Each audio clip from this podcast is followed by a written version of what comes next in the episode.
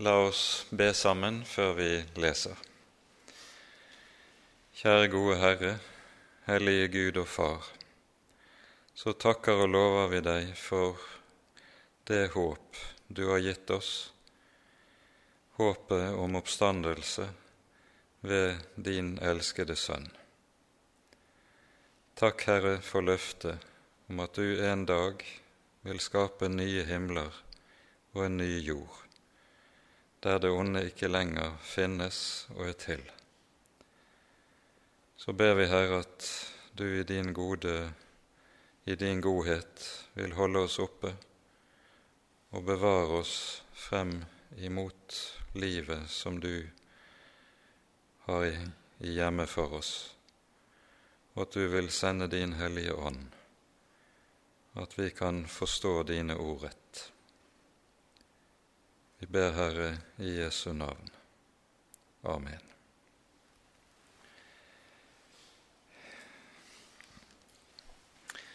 Det begynner å bli en stund siden sist vi var sammen om eh, andre Korinterbrev. Og eh, vi gikk da igjennom sist eh, andre halvdel av det fjerde kapittelet i 2. Korinterbrev. Og Det som da kjennetegner dette avsnittet i um, kapittel 4, det er at her møter vi for første gang i 2. Korinterbrev Paulus' undervisning om det vi gjerne kaller for korsteologien. Dette som er noe av et grunntema senere utover i brevet, det er altså et tema som anslås kraftig her i kapittel 4. Og Bakgrunnen for dette er, og sammenhengen som det går inn i, det er at apostelen taler om de trengsler han og de øvrige apostler ganske særlig må gjennomgå for evangeliets skyld. Men disse trengsler og disse lidelser de kommer også til å være noe som i allmennhet gjelder for alle troende. I det, det som uh, sies i de siste versene i kapittel 4, er noe som har allmenn betydning langt utover det å lide for evangeliets skyld. Her står det følgende.: Derfor mister vi ikke motet. Og selv om vårt ytre menneske går til grunne, så fornyes vårt indre dag for dag. For vår trengsel er kortvarig og lett, og virker for oss en evig fylde av herlighet, i overmål på overmål. For vi har ikke det synlige for øyet, men det usynlige. For det synlige varer en kort stund, men det usynlige er evig. Det som vi altså leser her, det er eh, bakgrunnen for det avsnittet vi nå går inn i, i det femte kapittelet, og vi vil lese de ti første versene i kapittel fem nå til innledning. Vi vet jo at om det telt vi lever i på jorden, blir brutt ned, så har vi en bygning som er av Gud, et hus som ikke er gjort med hender, evig i himmelen. Og mens vi er her, sukker vi, fordi vi lengter etter å bli overkledd med vår bolig fra himmelen. For så sant vi er ikledd den, skal vi ikke bli funnet nakne. Vi som er i dette telt, sukker under byrden, for vi vil ikke bli avkledd, men overkledd, for at det dødelige kan bli oppslukt av livet. Men Han som har satt oss i stand til nettopp dette, er Gud, som har gitt oss Ånden til pant. Derfor er vi alltid frimodige, selv om vi vet at så lenge som vi er hjemme i legemet, er vi borte fra Herren. for vi vandrer i tro, ikke i beskuelse. Vi er altså frimodige og vil heller bære borte fra legemet og hjemme hos Herren. Derfor setter vi også vår ære i, enten vi er hjemme eller borte, å være Ham til behag. For vi må alle åpenbares for Kristi domstol, for at enhver kan få igjen det som er skjedd ved legemet, etter det han gjorde, enten godt eller ondt. Amen. Avsnittet som vi har lest, det begynner med et 'vi vet'. I grunnteksten står det et 'for', for vi vet, og dermed så fungerer det som eh, vi hører i vers 5, som en videre begrunnelse for det som vi har lest i de foregående versene i kapittel 4.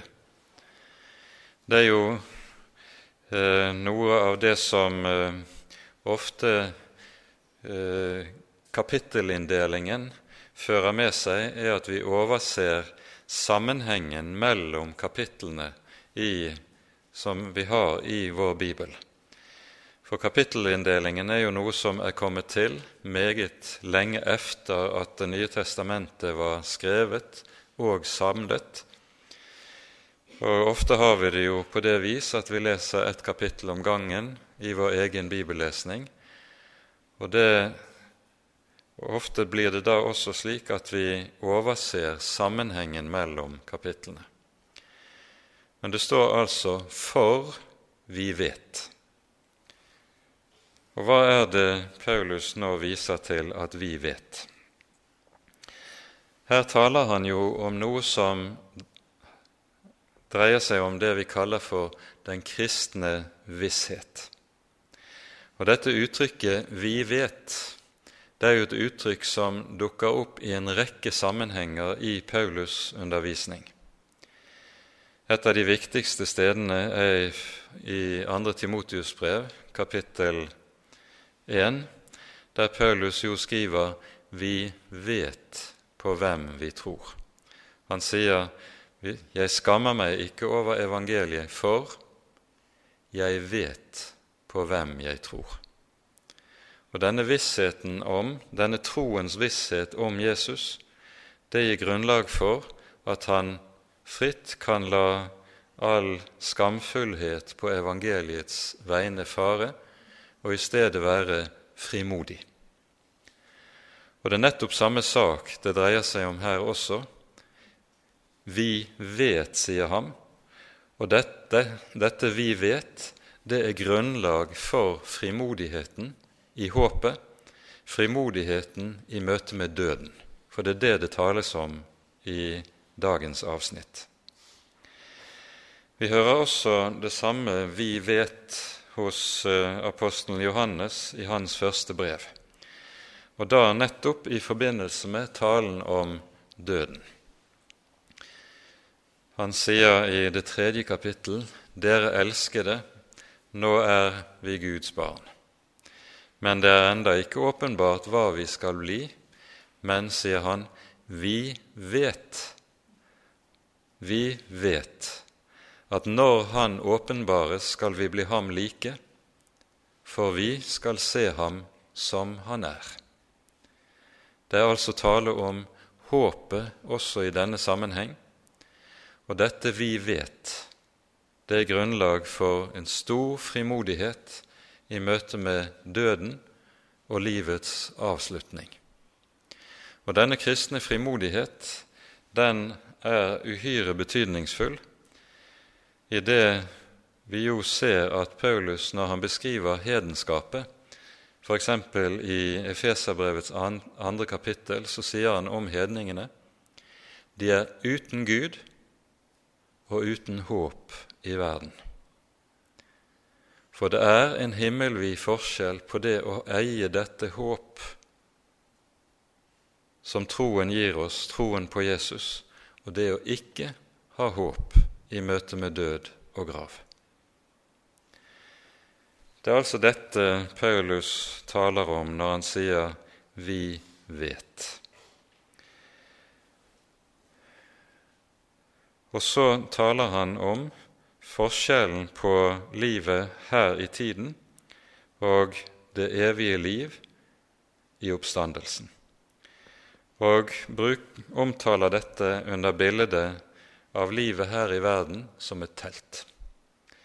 Teltet, det er det, det stedet man bor i, der en er klar til raskt oppbrudd.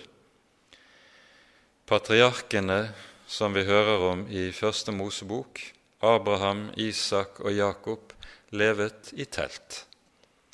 Og nettopp dette er et forbilde på det kristne liv. Det hører vi om i Hebreabrevets ellevte kapittel, og vi tar oss tid til å lese noen par vers herfra. Ved tro leser vi fra vers 9 i Hebreerne 11. Ved tro levet Abraham i løftets land som i et fremmed land. Han bodde i telt sammen med Isak og Jakob, som var medarvinger til det samme løftet, for han ventet på byen med de faste grunnvoller, den som har Gud til byggmester og skaper. Og Gjør vi et lite hopp ned til vers 13 i det samme kapittel, så fortsetter det slik.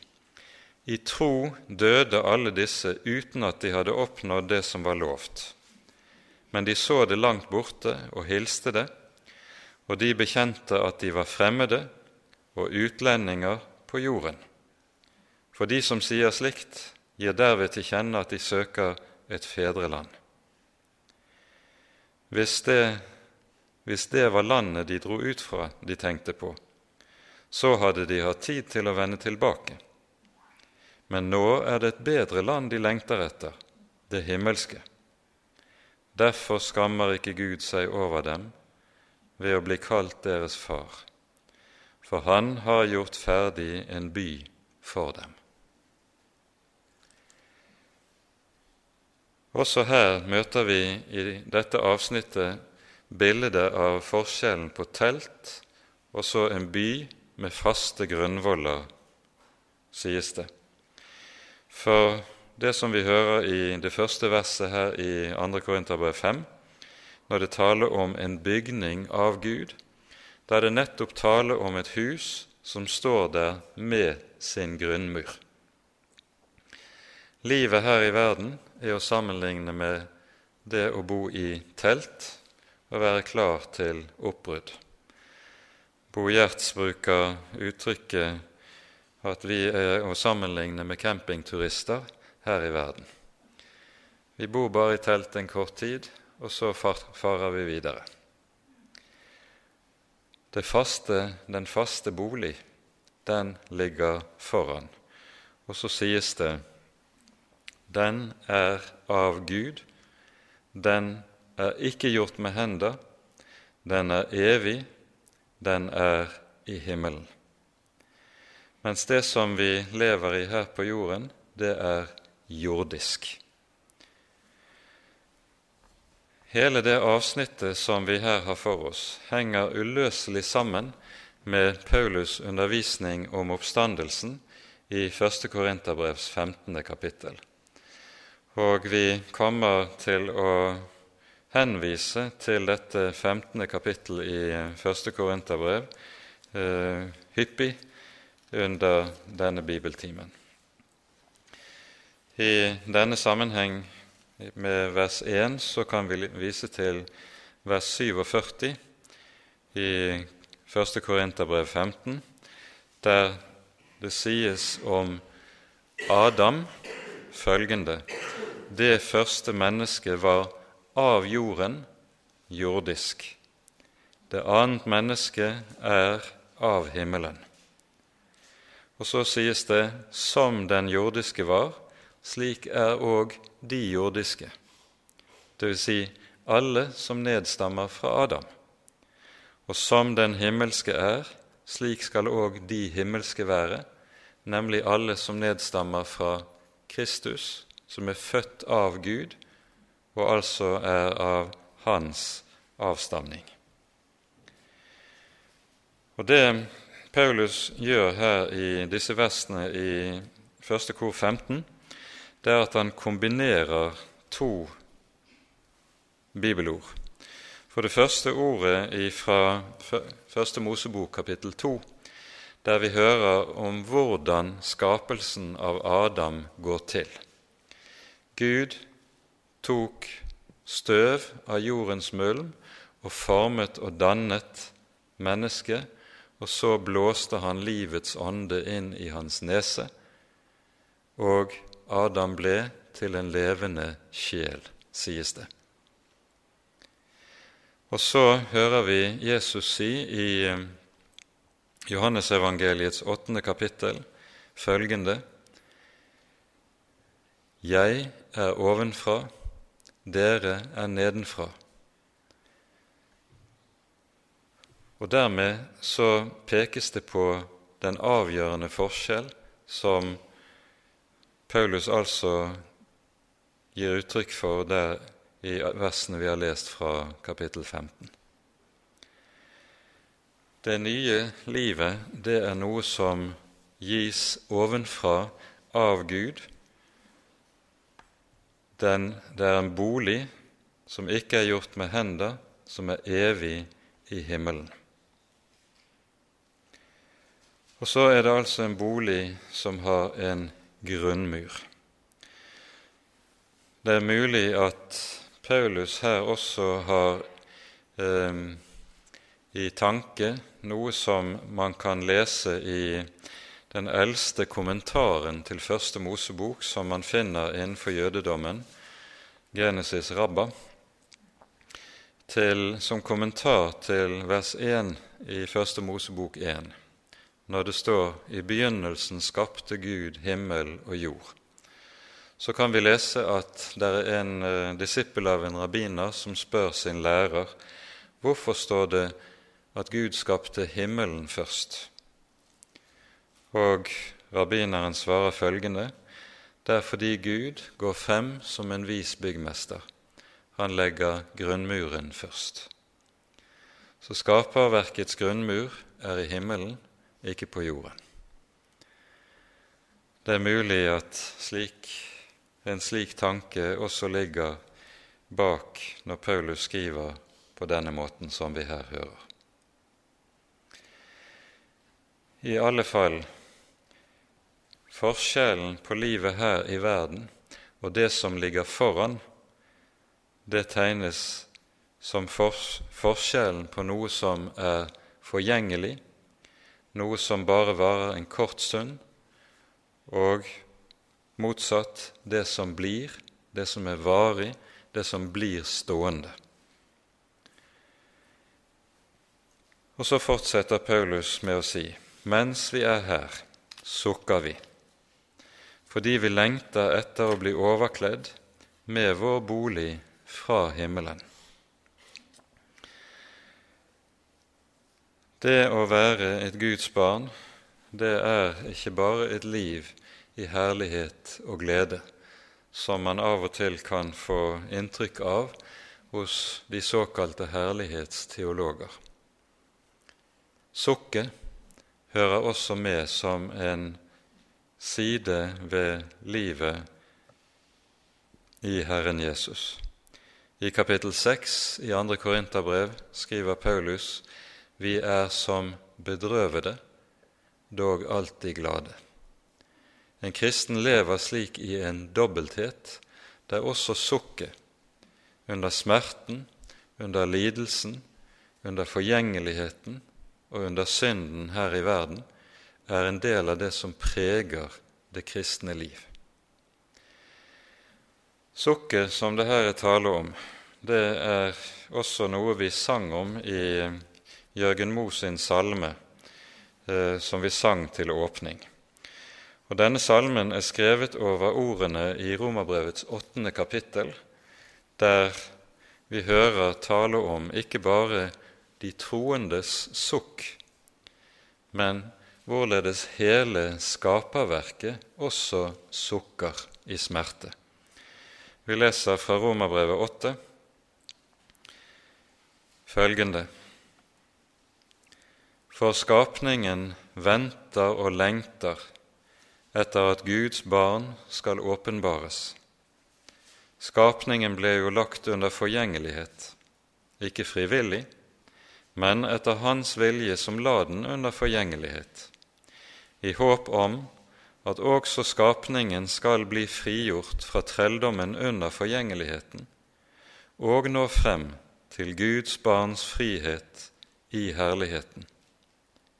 For vi vet at hele skapningen til denne stund sukker sammen og stønner sammen som i veer. Ja, ikke bare det, men også vi som har fått Åndens førstegrøde, også vi sukker med oss selv, mens vi lengter etter vårt barnekår, vårt legemes forløsning. For i håpet er vi frelst. Her tales det altså om hvorledes hele skaperverket er så å si i smerte og sukker. Og det er i tilknytning til dette vi kan lese f.eks.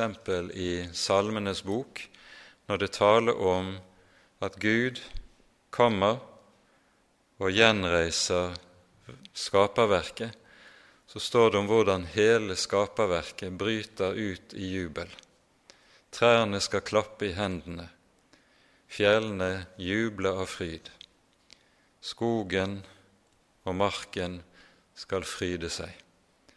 Det er som om hele skaperverket fylles av denne dype glede, mens det nå er preget av sukket.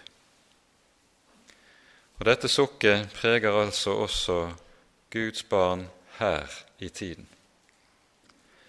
Det annet som får et Guds barn til å sukke, det er det som vi leser om i Romerbrevets syvende kapittel.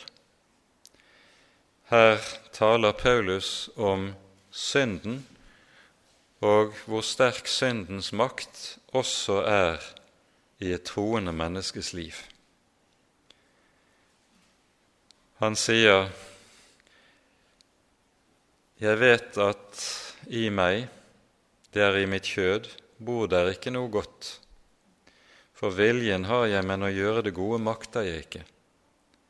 Det gode som jeg vil, gjør jeg ikke, men det onde som jeg ikke vil, det gjør jeg. Og så bryter han ut i møte med denne virkelighet, denne selverkjennelse. Jeg elendige menneske. Hvem skal fri meg fra dette dødens legeme? En sukker over seg selv og syndens elendighet i sitt eget liv og i sitt eget hjerte. Og Det er jo også i møte med dette at Bibelen taler om at på den siste store dag så skal der ingen død være lenger ingen skrik og ingen smerte, og han skal tørke bort hver tåre fra deres øyne. Dette er en del av løftet, en del av håpet, som Skriften maler for oss. Og så beskrives altså lengselen som Paulus taler om i denne sammenheng. Mens vi er her, sukker vi av lengsel, står det i noen oversettelser, av lengsel etter å bli overkledd med vår bolig fra himmelen. Og Her må vi minne om ordene i Filippabrevet i det tredje kapittel, som er et grunnord når det taler om håpet for Guds folk. Det står sånn i de to siste versene i Filippane 3. Vi har vårt hjemland i himmelen. Derfra venter vi også Herren Jesus Kristus som frelser. Han skal forvandle vårt fornedrelseslegeme og gjøre det likt med sitt herlighetslegeme, ved den kraft han har til også å legge alle ting under seg. Det, det som i Korinterbrevet kalles å overkles, kalles her en forvandling, så det vil gjøre slikt med Kristi herlighetslegeme. Uttrykket herlighetslegeme som anvendes i denne sammenheng, det peker på to ting.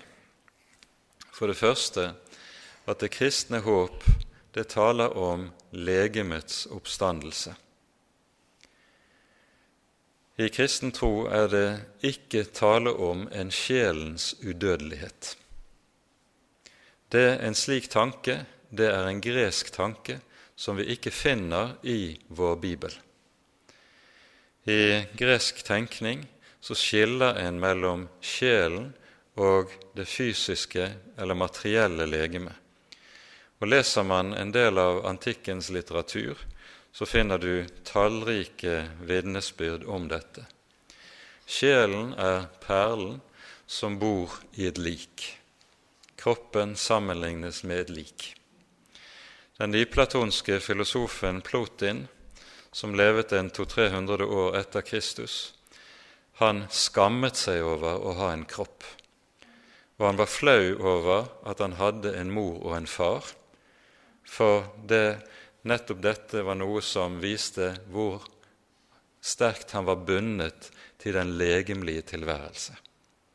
For etter gresk tenkning så er kroppen den er legemets fengsel. Og det å forløses, det er nettopp å bli fri, at sjelen skal bli fri fra dette legemets fengsel. Den udødelige sjel skal befris fra disse båndene som kroppen har underlagt den. Det er tallrike, det er ikke vanskelig å regne opp en rekke tilsvarende eksempler på måten det tales om dette i uh, i antikkens litteratur på gresk og på romersk mark. I Bibelen tales det ganske annerledes om dette. Vi nevnte ordene fra Første Moseboks annet kapittel, der Gud former mennesket av jordens støv, og så sies det at han blåser livets ånde inn i dets nese, og mennesket ble til en levende sjel. Legg merke til det står ikke at mennesket fikk en levende sjel, men det står at mennesket ble en levende sjel. Og slik er det hele Det gamle testamentet taler om hvem mennesket er. Det greske skillet mellom sjel og legeme finner du ikke i Det gamle testamentet, og derfor heller ikke noen tale om at sjelen likesom skal leve videre i en eller annen form for udødelighet. Det som Skriften i stedet taler om, det er at mennesket med ånd, sjel og legeme er satt til å leve evig. Og Derfor tales det om en legemets oppstandelse. Og denne legemets oppstandelse gjelder både for dem som går inn til den evige salighet, og for dem som går fortapt. De går bare hver sin vei. For mennesket er en udelelig enhet.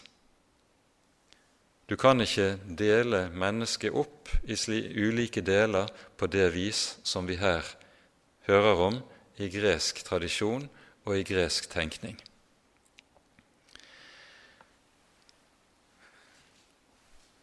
Vi skal se litt mer på akkurat dette etter hvert, men det er viktig å være klar over at vi må ikke legge den greske måten å tale om hva et menneske er, med dette skillet mellom sjel og legeme, vi må ikke lese det inn i bibeltekstene. For sånn tenker ikke Bibelen. Bibelen taler i stedet om at Gud har skapt våre legemer. Og så står det etterpå og Gud så på alt det han hadde gjort, og se det var såre godt. Det legemlige, det fysiske, er noe som er godt, ifølge Bibelen. Ikke noe som er ondt, ikke noe som er et fengsel. At det etter syndefallet er underlagt forgjengelighet, det er en annen sak. Men håpet dreier seg jo om at syndefallets skade skal tilintetgjøres, slangens hode skal knuses, og så skal et nytt, et herliggjort skaperverk står frem av Guds skaperhånd. Derfor står det:" Jeg så en ny himmel og en ny jord. Denne tale om sjelens udødelighet den er jo ofte noe som man ser i ulike typer karikaturer, der du ser Sankt Peter vandre omkring oppe i skyene et eller annet sted. Og så kommer andre sjeler opp dit og skal vandre omkring på skyene. Bibelen taler altså i stedet om legemets oppstandelse. Og Har vi et legeme i oppstandelsen, så betinger det at dette legemet har en jord å leve på en natur å leve i. Og Derfor tales det altså om en ny himmel og en ny jord. Og den nye jord er naturgrunnlaget for det herliggjorte og det frelste skaperverk. Dette er altså en god del annerledes enn all tale om denne sjelens udødelighet som man ofte misforstått kan høre, og som ofte legges inn i Bibelens vitnesbyrd. Når Paulus taler om håpet, så taler han om å bli overkledd med vår bolig fra himmelen. Og Da må vi på ny henvise til det vi hører i kapittel 15 i første Korinterbrev. Vi leser fra vers 50 og noen vers utover. Det sier jeg, brødre, kjøtt og blod kan ikke arve Guds rike. Heller ikke skal forgjengelighet arve uforgjengelighet. Se, jeg sier dere et mysterium. Vi skal ikke alle sovne inn, men vi skal alle bli forvandlet, brått, i ett øyeblikk, ved den siste basun. For basunen skal lyde, og de døde skal bli reist opp uforgjengelige, og vi skal bli forvandlet. For dette forgjengelige må bli ikledd uforgjengelighet, og dette dødelige må bli ikledd udødelighet. Men når dette forgjengelige er blitt ikledd uforgjengelighet, og dette dødelige er blitt ikledd udødelighet, da blir det ordet oppfylt som står skrevet, døden er oppslukt til seier. Død, hvor er din brodd? Død, hvor er din seier? Dødens brodd er synden, og syndens kraft er loven. Men Gud være takk som gir oss seier ved vår Herre Jesus Kristus. Det er altså tale om å overkles. Det er dette bildet som vi møter i åpenbaringsboken når vi hører om den store, hvite flokk. De er kledd med de hvite kjortler, rettferdighetens, renhetens og hellighetens drakt. De er overkledd. Og denne Overkledning og ikledning den tar sin begynnelse allerede her i tiden. Vi leser i Galaterbrevets tredje kapittel, i det 27. verset, følgende Så mange som er døpt til Kristus Jesus, de har ikledd seg Kristus Jesus. For den rettferdighet, den hellighet, den hvite drakt som vi er ikledd, det er intet annet enn Jesus Kristus selv. Derfor kan Paulus skrive, som vi hører han gjør det, i Romerbrevets 14. kapittel. For ingenting av det vi her taler om, må ses løsrevet fra vår Herre Jesus. I stedet er det slik som Paulus skriver i Romane 14, 14,8.: For om vi lever, så lever vi for Herren, og om vi dør, så dør vi for Herren. Enten vi da lever eller dør, så hører vi Herren til. Dette som her er oversatt med 'for', det kan også oversettes med 'ved'. For om vi lever, så lever vi ved Herren, og om vi dør, så dør vi ved Herren. Enten vi da lever eller dør, hører vi Herren til. Intet må ses løsrevet fra eller uavhengig av Jesu person, for det er i ham og ved ham alt dette gis og skjer. Fortsetter vi nå i kapittel 5, så skriver Paulus så sant vi er ikledd, skal vi ikke finnes nakne. Det uttrykket som her er oversatt med 'nakne', det kan Det har to ulike eh, Det er blitt forstått på to ulike måter rent tolkningshistorisk. Enten forstås det som uttrykk for det å gå fortapt, altså en er ikke ikledd Kristus, og bakteppet er da det vi leser i, på Bibelens første blad, der vi hører det sies om Adam og Eva etter skapelsen. Adam og Eva var begge nakne, men de skammet seg ikke. Så skjer syndefallet, og så står det da ble deres øyne åpnet, og de så at de var nakne, og de flettet fikenblad sammen for å skjule sin nakenhet. For med fallet og på fallet følger umiddelbart skammen, som mennesket da vil søke å skjule og dekke seg til med.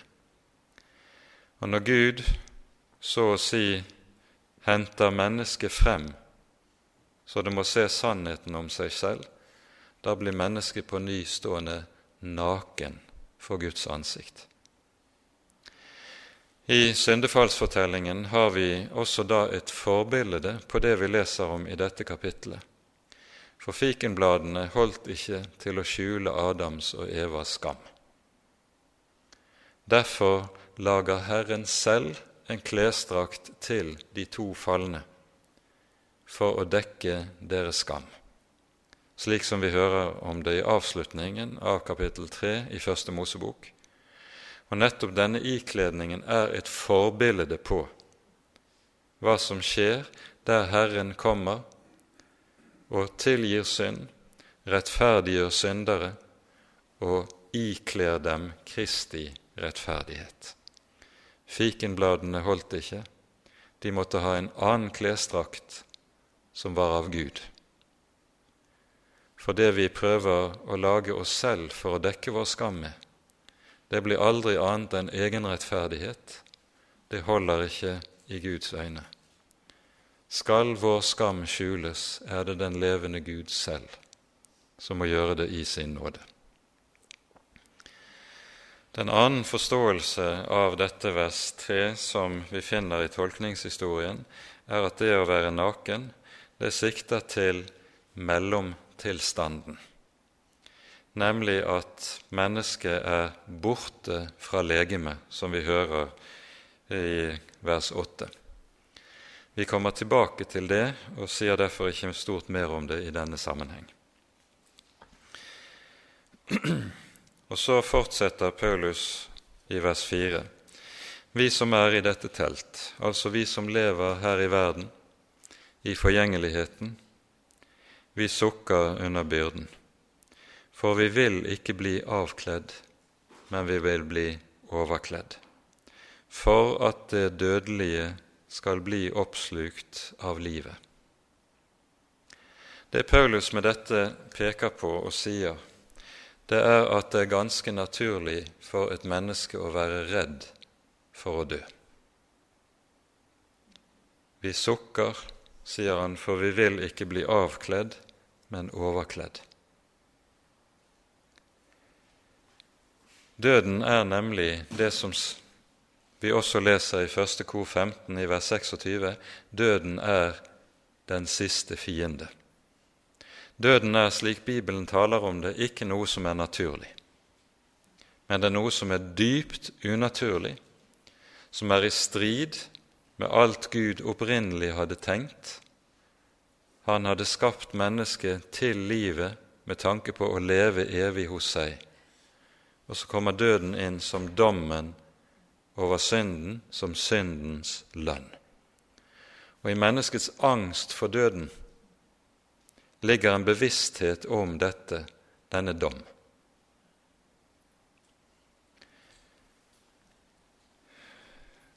At mennesket søker å rømme fra denne angst, forsone seg med denne angst, det forandrer ikke på faktum mennesket er redd for å dø. I denne sammenheng kan vi kanskje vise til en liten anekdote som blir fortalt om gamle biskop Høek, som var biskop for litt over 100 år tilbake i Agder bispedømme. Han var en original, men høyt elsket av i hele sitt bispedømme. Ved en anledning så var han på visitas eh, oppover mot Setersdal, og han skulle da på ferden eh, ros og oppover Byglandsfjorden. Og så blåser det opp. Og Rorkaren ser at biskopen etter hvert blir mer og mer urolig ettersom bølgene begynner å gå kvitt på fjorden. Og litt spottende så spør han biskopen er biskopen redd for å dø. Nei, sa biskopen, jeg er ikke redd for døden, men jeg er redd for det kalde vannet. Og det treffer veldig godt. En kristen behøver ikke å være redd for døden.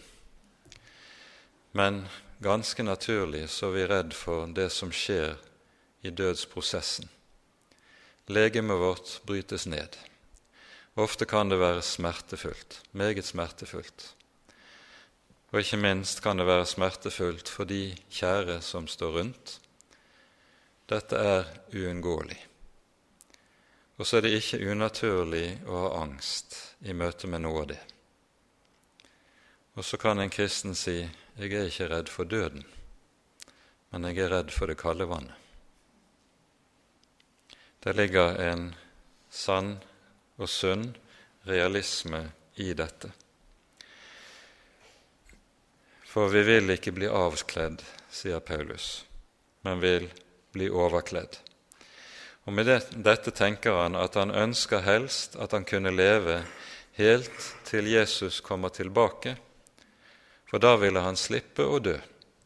For det som sies om de som har troen når Jesus kommer tilbake, det er at de skal slippe å dø de skal for, bli forvandlet i ett nu, i et øyeblikk, og så tas opp sammen med de som står opp av de døde, for å være med Herren alltid.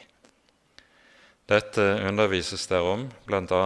i 1. Tessalonikerbrevs fjerde kapittel, men vi tar oss ikke tid til å gå inn på det som vi leser her.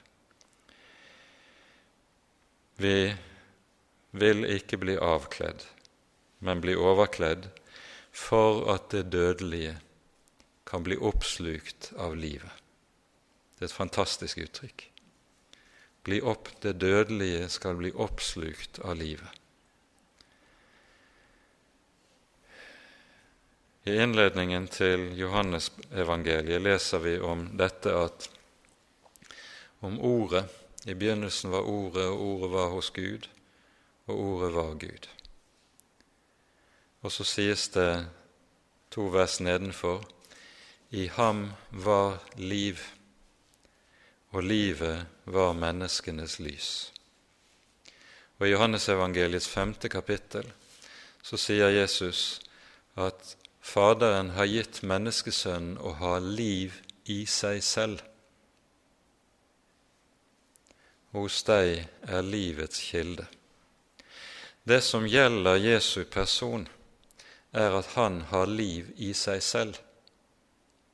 Livet er ikke noe som gis ham utenfra, og som han trenger til, tilførsel av det ene eller det annet utenfra for å kunne leve. Han har liv i seg selv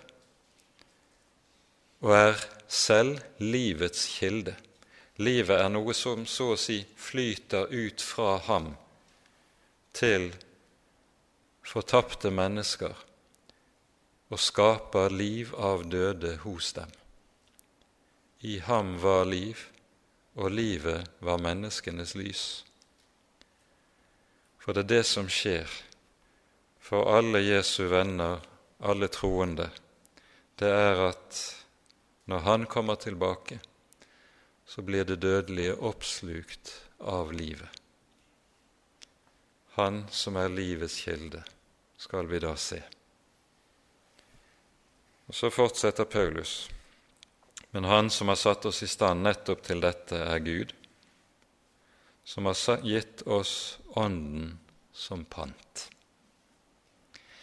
Og Her knytter Paulus an til noe han har vært inne på allerede i det første kapittelet i 2. Korinterbrev, i vers 22, der han sier han har også satt sitt seil på oss og gitt oss Ånden som pant i våre hjerter.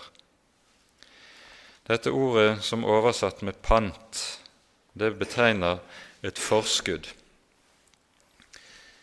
Det er et ord som ble brukt i forbindelse med inngåelse av handelsavtaler.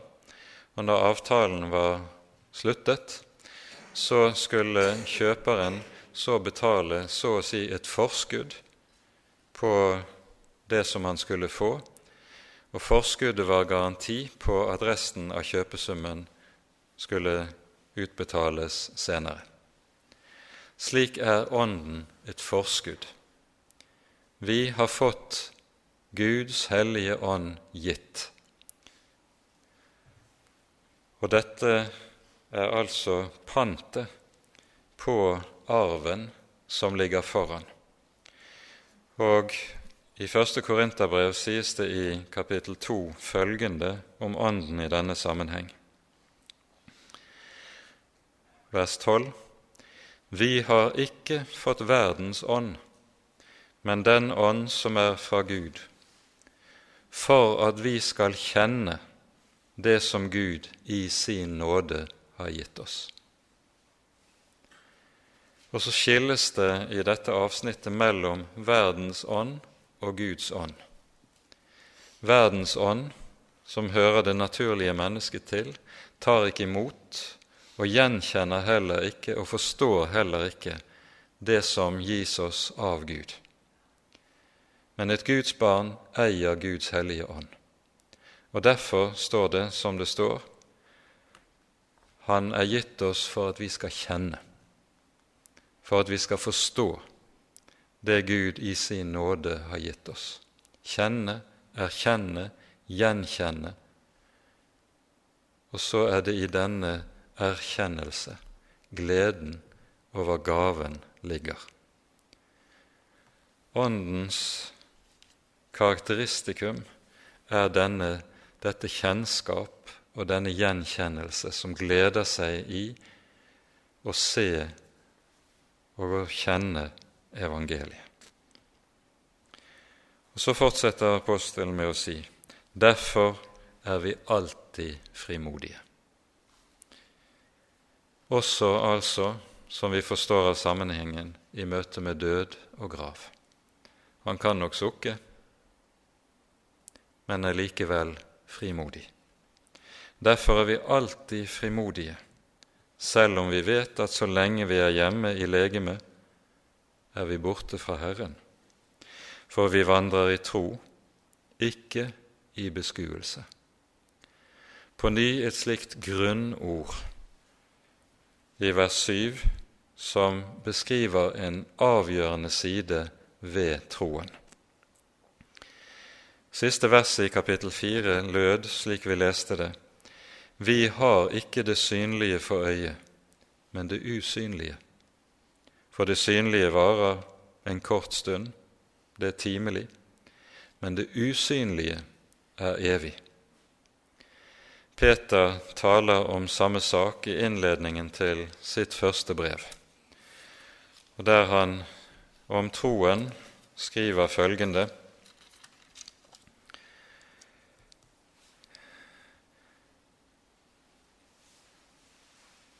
Derfor jubler dere av glede, selv om dere nå en liten stund nødvendigvis har sorg i mange slags prøvelser.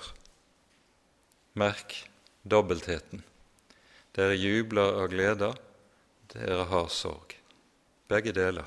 Det er denne dobbeltheten. Dette skjer for at deres prøvede tro, som er langt mer kostbar enn det forgjengelige gull, som jo lutres ved ild, skal finnes til lov og pris og ære ved Jesu Kristi åpenbarelse. Ham elsker dere, enda dere ikke har kjent ham. Ham tror dere på, enda dere nå ikke ser ham. Og dere fryder dere med en usigelig og herliggjort glede. Jeg tror bare på det jeg kan se. Slik taler verdens mennesker. Guds barn tror bare på det de ikke kan se. For de tror på Guds sønn, de tror på det løftet som er gitt oss med Guds sønn, og som står i den skarpeste strid med denne verdens fornuft og tanke. For her dreier det seg om å tro Guds ord imot fornuften og imot det vi ser. Det vi ser, det er at alle mennesker legges i graven, går i oppløsning, blir til støv. Men Guds løfte sier dette er bare noe midlertidig. En dag skal du reises av graven. Og det er i denne sammenhengen også at kirkegården i gammel kristen tradisjon kalles for Guds åker. Der sås et korn i jorden, det dør. Men uten at hvetekornet dør, kan det ikke bære frukt. Men dør det, bærer det megen frukt, sier Jesus. Kirkegården er Guds åker. Derfor er vi alltid frimodige, for vi vandrer i tro ikke i beskuelse. Vi er altså frimodige, og vi vil heller være borte fra legemet og hjemme hos Herren. Og Dermed så er vi kommet til det verset i kapittelet som taler om det vi kaller for mellomtilstanden. For det som kjennetegner livet i denne verden, det er jo nettopp det at vi lever et liv som er knyttet til legeme. Det gis ikke noe liv i denne verden uten en kropp, uten et legeme. Men med døden legges legemet i graven. Og så taler altså Paulus om en tilværelse borte fra legemet, hjemme hos Herren. Og Da er det noen da hopper litt lett av gårde og sier ja, da er det sjelen som lever videre hos Herren. Vi må bare ikke tenke slik, gresk, etter gresk tankegang, som vi har vært inne på. For det Bibelen jo har å si om oss, om vår natur, det er at vår natur er i sin helhet innbefattet i og bestemt av syndefallet. Det gis ikke en liten del av oss selv, kall det ånd eller kall det sjel, som er uberørt av syndefallet. Alt i oss er underlagt fallets makt. Det gjelder kroppen, det gjelder følelseslivet, det gjelder tankelivet, det gjelder viljelivet, det gjelder bevisstheten vår. Alt i oss, også i vårt sinn eller det vi kaller vår sjel, alt er underlagt syndefallets makt. Og denne makt befris vi mennesker fra utelukkende på én måte gjennom døden. Her i tiden eier vi syndenes forlatelse som pant på håpet, håpet om oppstandelsen. Men kjødet, det gamle mennesket, med alt som hører det til, må gjennom dødens trange port. Nå sier Jesus til røveren på korset, sannelig sier jeg deg, i dag skal du være med meg i paradis. Man har gjerne knyttet dette ordet sammen med Jesu tale om eller Paulus tale her om det å være borte fra legemet og hjemme hos Herren. Det er altså tale om en tilværelse som ikke er legemlig, Tilværelsen her i verden er legemlig. Tilværelsen i oppstandelsen er legemlig. Men det er altså en tilværelse imellom som ikke er legemlig. Og så må vi spørre oss selv hva vil det si å være borte fra legemet og hjemme hos Herren? Her gir Bibelen oss ikke noe godt svar, og vi skal være ytterst, ytterst forsiktige med å spekulere. Men det vi kan si, og det vi kan peke på, det er i hvert fall to bibeltekster som hjelper oss et lite stykke på vei. Det ene er Jesu eksempelfortelling om den rike mann og Lasarus, som vi finner i Lukasevangeliets 16. kapittel. Der hører vi om at når Lasarus dør, så blir han båret til Abrahams fang. Når den rike dør, så kommer han til dødsriket.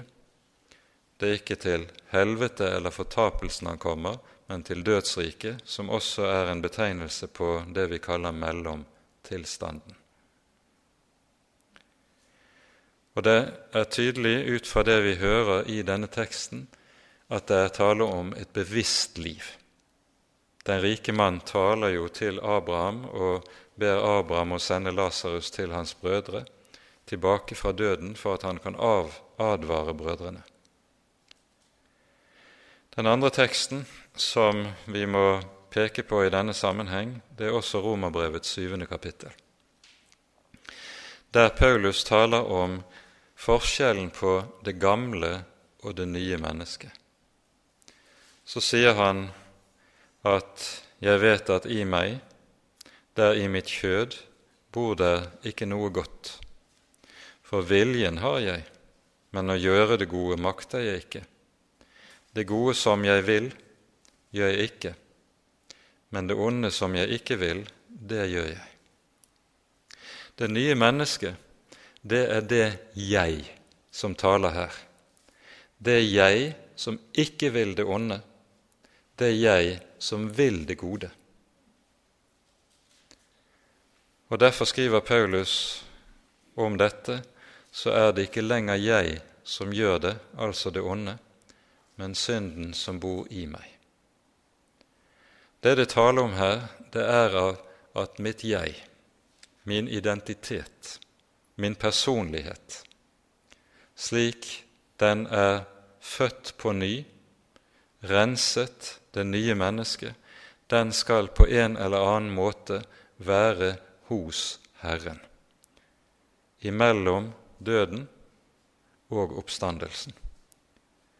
Men det er ikke godt for oss å kunne gi noe klart begrep om dette, og vi skal være ytterst forsiktige med å spekulere i det.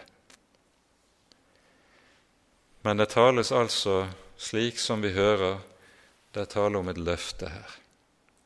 At etter døden så vil de som hører Jesus til, de vil være med ham. De vil være med ham. Sannelig sier jeg deg, i dag skal du være med meg i paradis, sies det til røveren. I dag.